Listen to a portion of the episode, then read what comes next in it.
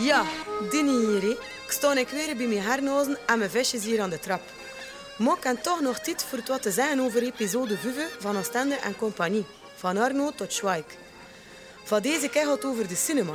Over twee mensen die heel belangrijk geweest zijn in de evolutie van Oostende als filmstad. Harry Stork en Raoul Servet. We beginnen in het museum waar Claude Blondel naar een oude film van Stork zit te kijken.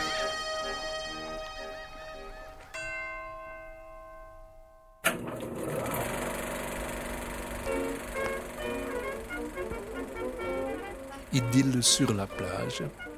En eh, ja, dat is een romance tussen, maar heel zedig hoor. Een romance tussen een meisje en een, en een militair. Een jongen die hier zijn uh, legerdienst doet. Uh, ja, hier de, de zeemacht lag hier. Mag niet vergeten dat onze vriend Roland hier ook zijn legerdienst gedaan heeft bij de zeemacht. En uh, ja, die, die jongen die is een beetje verliefd op dat meisje. En dat meisje ziet het ook wel zitten. Maar dat meisje heeft een chaperon.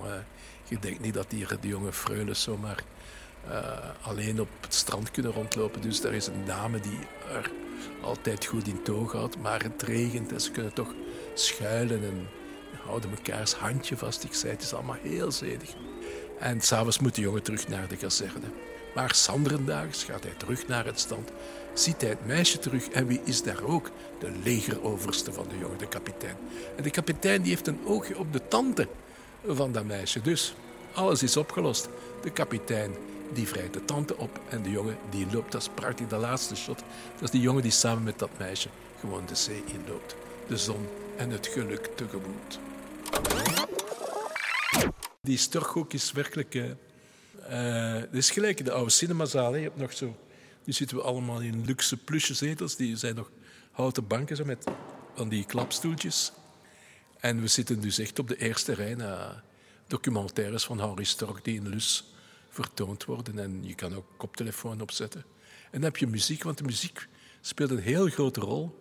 Hij deed ook beroep op uh, hedendaagse, toen hedendaagse componisten die dus op, de, op het beeld muziek schreven. Ja, dat was, kom, ja, hoe zou ik zeggen, gezamtkunstwerk. Hè. Zo uh, muziek speelt een heel grote rol.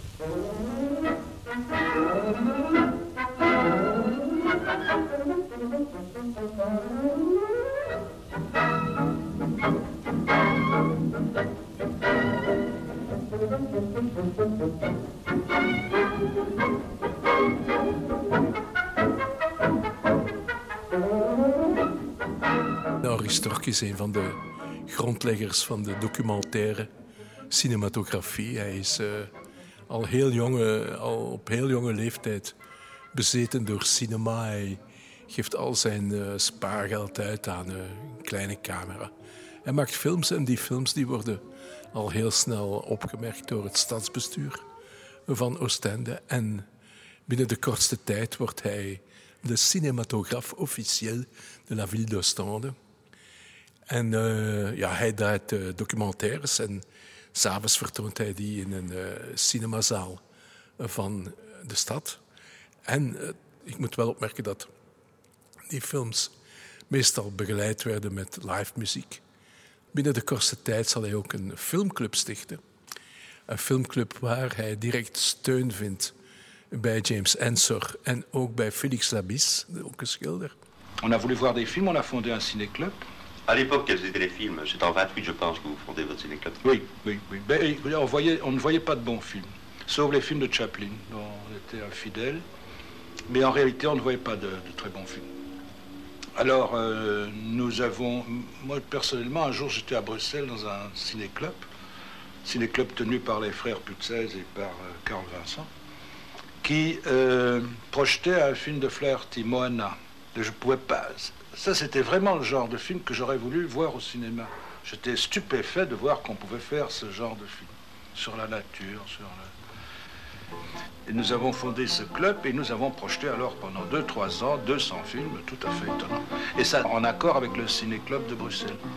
Et alors après ça, il était fatal qu'on se mette à vouloir faire des films soi-même.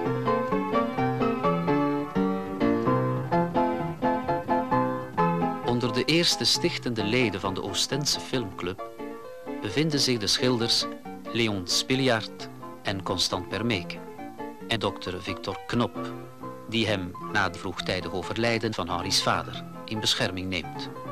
Verder is er Felix Labis, zijn beste vriend, en James Ensor, die ondanks zijn bekende gierigheid de club elk jaar een aantal etsen schenkt die per Amerikaans opbod verkocht worden. Hij uh, krijgt opdrachten meer en meer.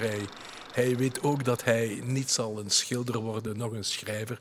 Hij zegt dan zal ik mij maar leggen op de toegepaste kunstnaar, op de, op de cinema. En hij werkt hoofdzakelijk met, uh, ja, met de opdrachten, uh, opdrachten van de stad. Maar hij zal altijd de esthetiek en de schoonheid ik bedoel, hij zal nooit toegevingen moeten doen. Hij blijft altijd zijn eigen stempel behouden.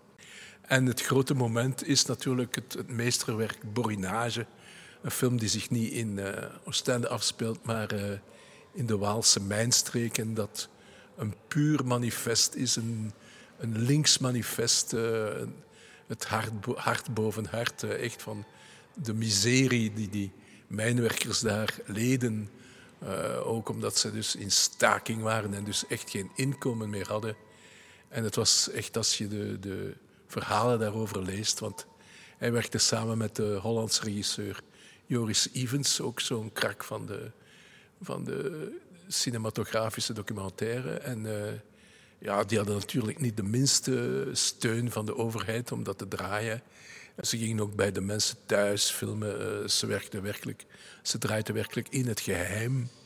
S'avonds wordt de pellicule met een koerier naar Brussel gebracht omdat ze bang zijn dat ze daar in beslag zou genomen worden. Erg is dat die film de hele tijd nooit vertoond geweest is. Geen enkele filmzaal wou ze programmeren.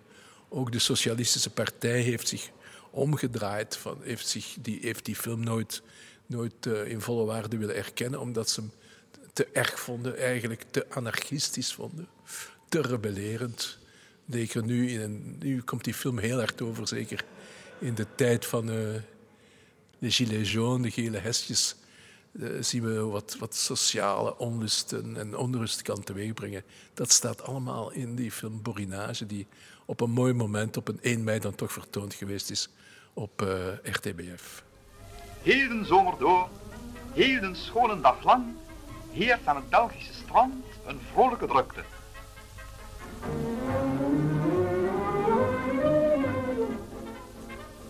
Herstel van krachten, fysisch welbehagen, dat vinden de badgasten van klein tot groot in de sterkende golven van Noordzee.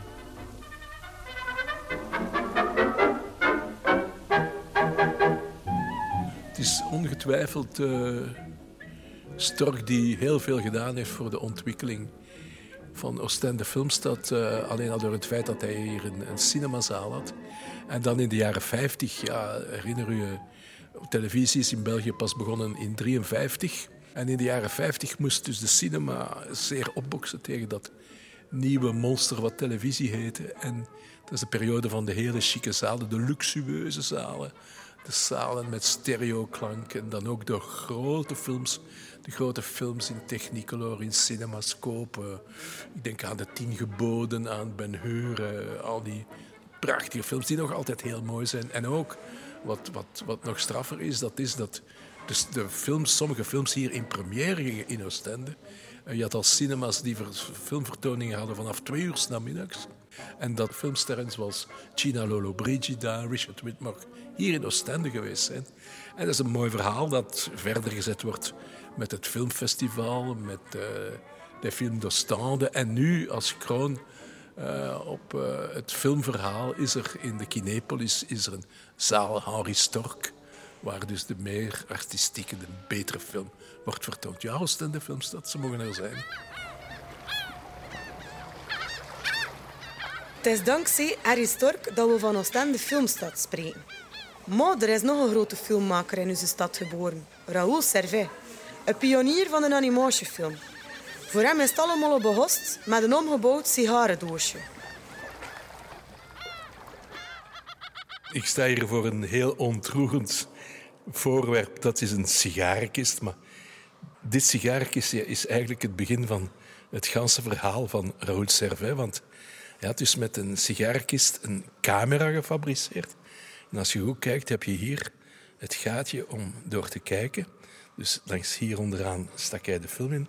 En daar had hij een, met een hendel een klein wieltje waarmee hij draaide.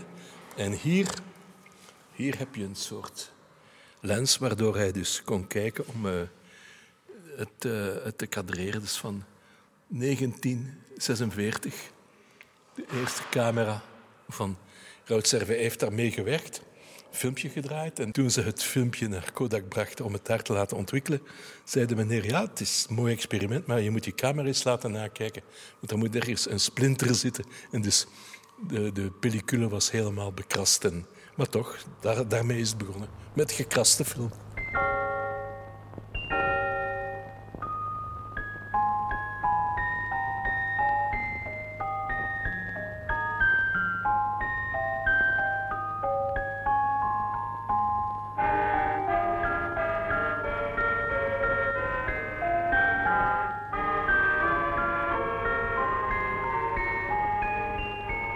Zijn terug in het museum. En uh, de nieuwste vleugel dat ze nu bij hebben na Storks, Biljart en Sor is een hommage aan Raoul Servet. Raoul Servet die ze de bijnaam de tovenaar van Oostende gegeven hebben. is de, de man van de tekenfilm, de vader van de Belgische animatiefilm die ontzettend veel gedaan heeft... Uh, Raoul Servet is een... Ik heb hem een paar maanden geleden nog ontmoet. En dat is een fantastisch lieve man. En een man met het hart op de goede plaats. En uh, is een blije man. En uh, hij had ook een heel mooie jeugd. Hij, uh, hij vertelde mij dat zijn vader een passie had voor cinema en ook voor miniatuurtreintjes. Een betere vader kan je toch niet inbeelden. En, dus zijn vader die nam hem mee naar de cinema. En uh, zijn vader leende ook, je kon dat toen huren, zoals je nu dvd's huurt. Uh. Zijn vader duurde, huurde 8 mm filmpjes, tekenfilmpjes uh, van Betty Boep en zo. En s'avonds speelde hij die thuis in de, in, thuis in de huiskamer. Waren het filmvertoningen, vond die kleine Raoul ongelooflijk. En zijn vader had hem ook een... hij voelde wel dat zo'n lief de artistieke kant zou uitgaan. En hij uh, kocht voor zijn zoon een grote doos met kleurpotloden.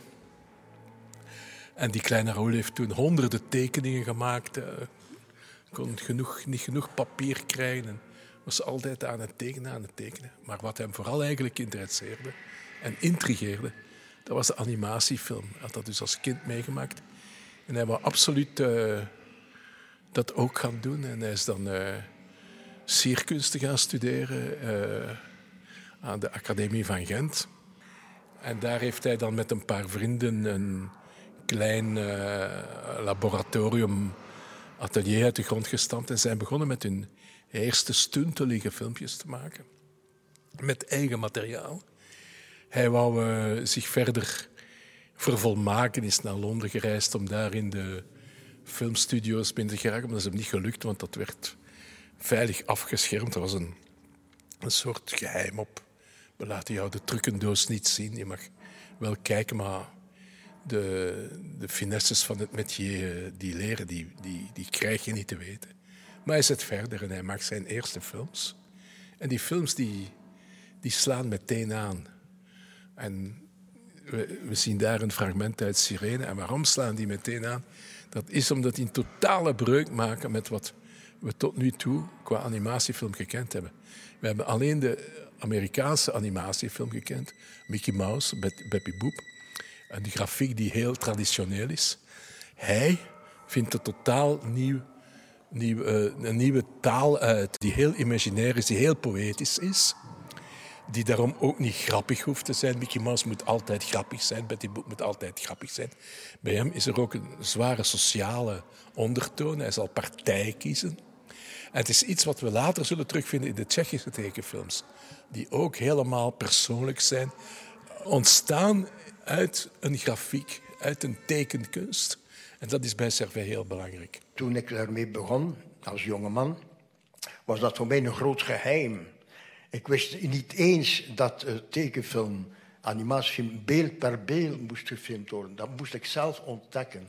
Havenlicht, mijn allereerste afgewerkte film, is totaal geïnspireerd door de Oostense sfeer. Uh, Valse noten een, beetje ook, Sirene zeker eveneens. Die films hebben meteen succes. Die films die worden ook uh, vertoond. En die films die krijgen prijzen. Op het festival van Cannes krijgt hij de hoofdprijs en hij vertelt hoe hij daar op het podium stond met uh, Volker Schleundorf, die de prijs ontving voor die blechtrommel. En Francis Ford Coppola, die daar stond voor Apocalypse Now. Dus hij voelde, hij voelde zich daar wel uh, nogal in strafgezelschap, onze Raoul.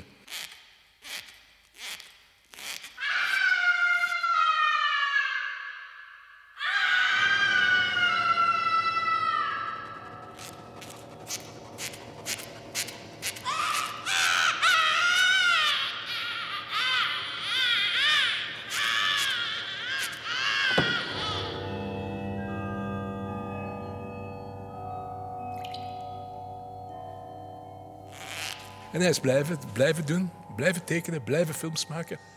Films werden alsmaar beter en dan is er eigenlijk een moment van een soort, hoe zou ik zeggen, hoogmoed gekomen. Hoogmoed komt voor de val en heeft hij een heel spectaculaire film gemaakt, Chromophobia, wat hij helemaal gedraaid heeft in servegrafie. Dat heeft ook hij uitgevonden. Het is heel belangrijk dat je weet dat er toen nog geen computers bestonden. Dus dat alles getekend werd op celluloid, beeld per beeld werd getekend.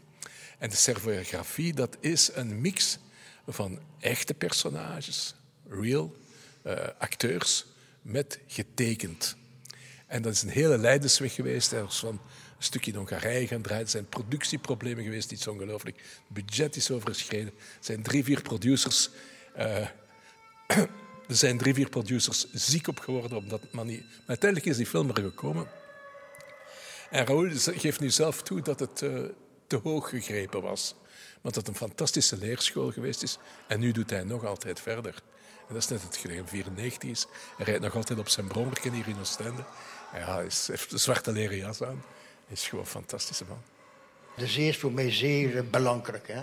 Ik hou van de zee, maar ik, ik, ben ook een beetje bang van de zee. Kijk, ik heb de grote storm meegemaakt in de jaren, ik weet niet meer wanneer dat, dat was. Uh, en dat was een verschrikkelijke ervaring. Dus ik ben, ik ben bevreesd van de zee, maar anderzijds hou ik van de zee. Dat is ook de reden waarvoor ik uh, steeds dicht bij de zee heb willen wonen. Mm. Want kijk, ik, ik, werkte in Gent. Ik had dus mijn, mijn activiteiten vooral in Gent. Maar ik kon er niet blijven uh, leven, omdat Gent uiteraard geen zee heeft.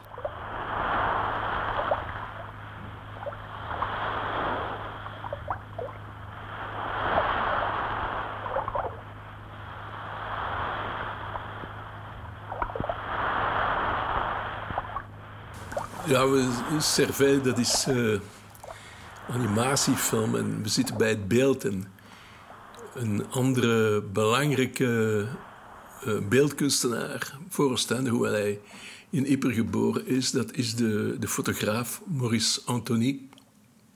Maurice Antony alleen al voor die magnifieke foto die hij gemaakt heeft in een soort glasbol in het huis, in de, het salon van... Uh, James Ensor. En dat is een soort uh, hommage aan het triumviraat, het artistieke triumviraat. Want wie staat er op die foto? Natuurlijk James Ensor, Henri Stork en Permeke. En een beetje opzij Maurice Antony, de auteur van de foto.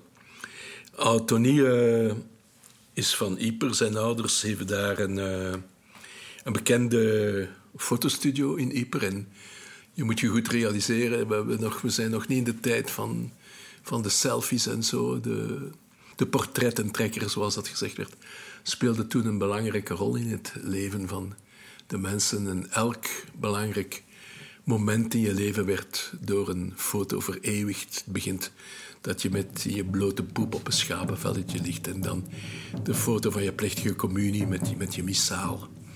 En dan de foto van... Uh, het huwelijk om te eindigen met de laatste foto op je sterfbed.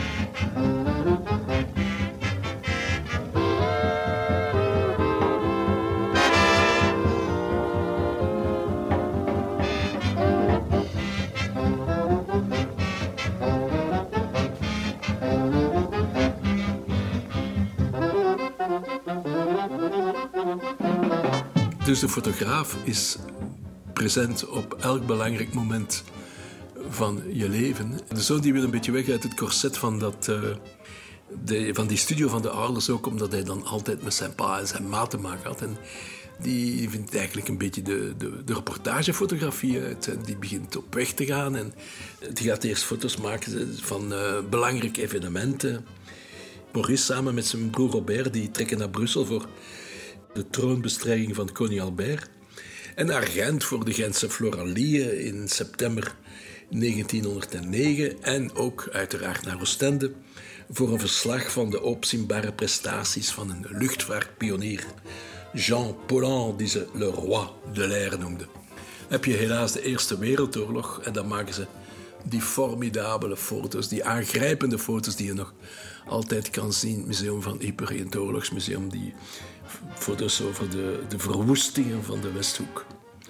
En uh, zijn heel uh, goede zaken, man, want die foto's die worden als uh, aanzichtkaarten verkocht. En zakenmensen, gelijk dat ze zijn, hebben zij ook in één keer begrepen dat het kusttoerisme aanvangt.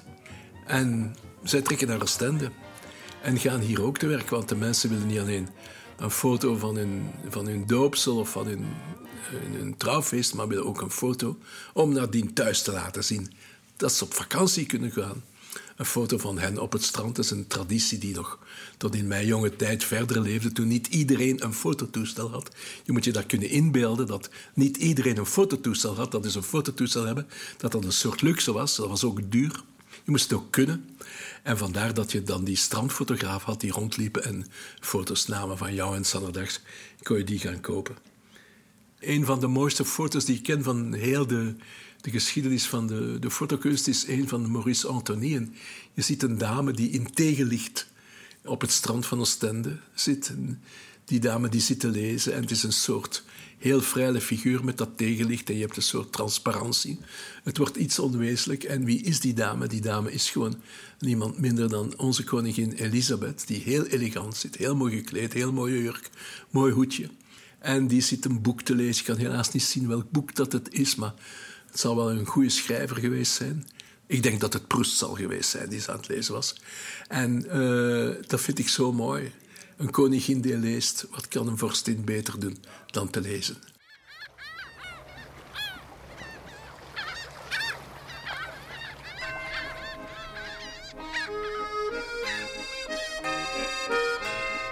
Ja, ja, tof voor het. We zijn alweer bij het van die episode. Als je meer wil weten, moet je zeker dat boek Oostende en Compagnie, dat Claude Blondel geschreven heeft, lezen. Niet? In de volgende episode gaat Claude nog stranger en je vertelt over schrijvers die geïnspireerd worden door de zij.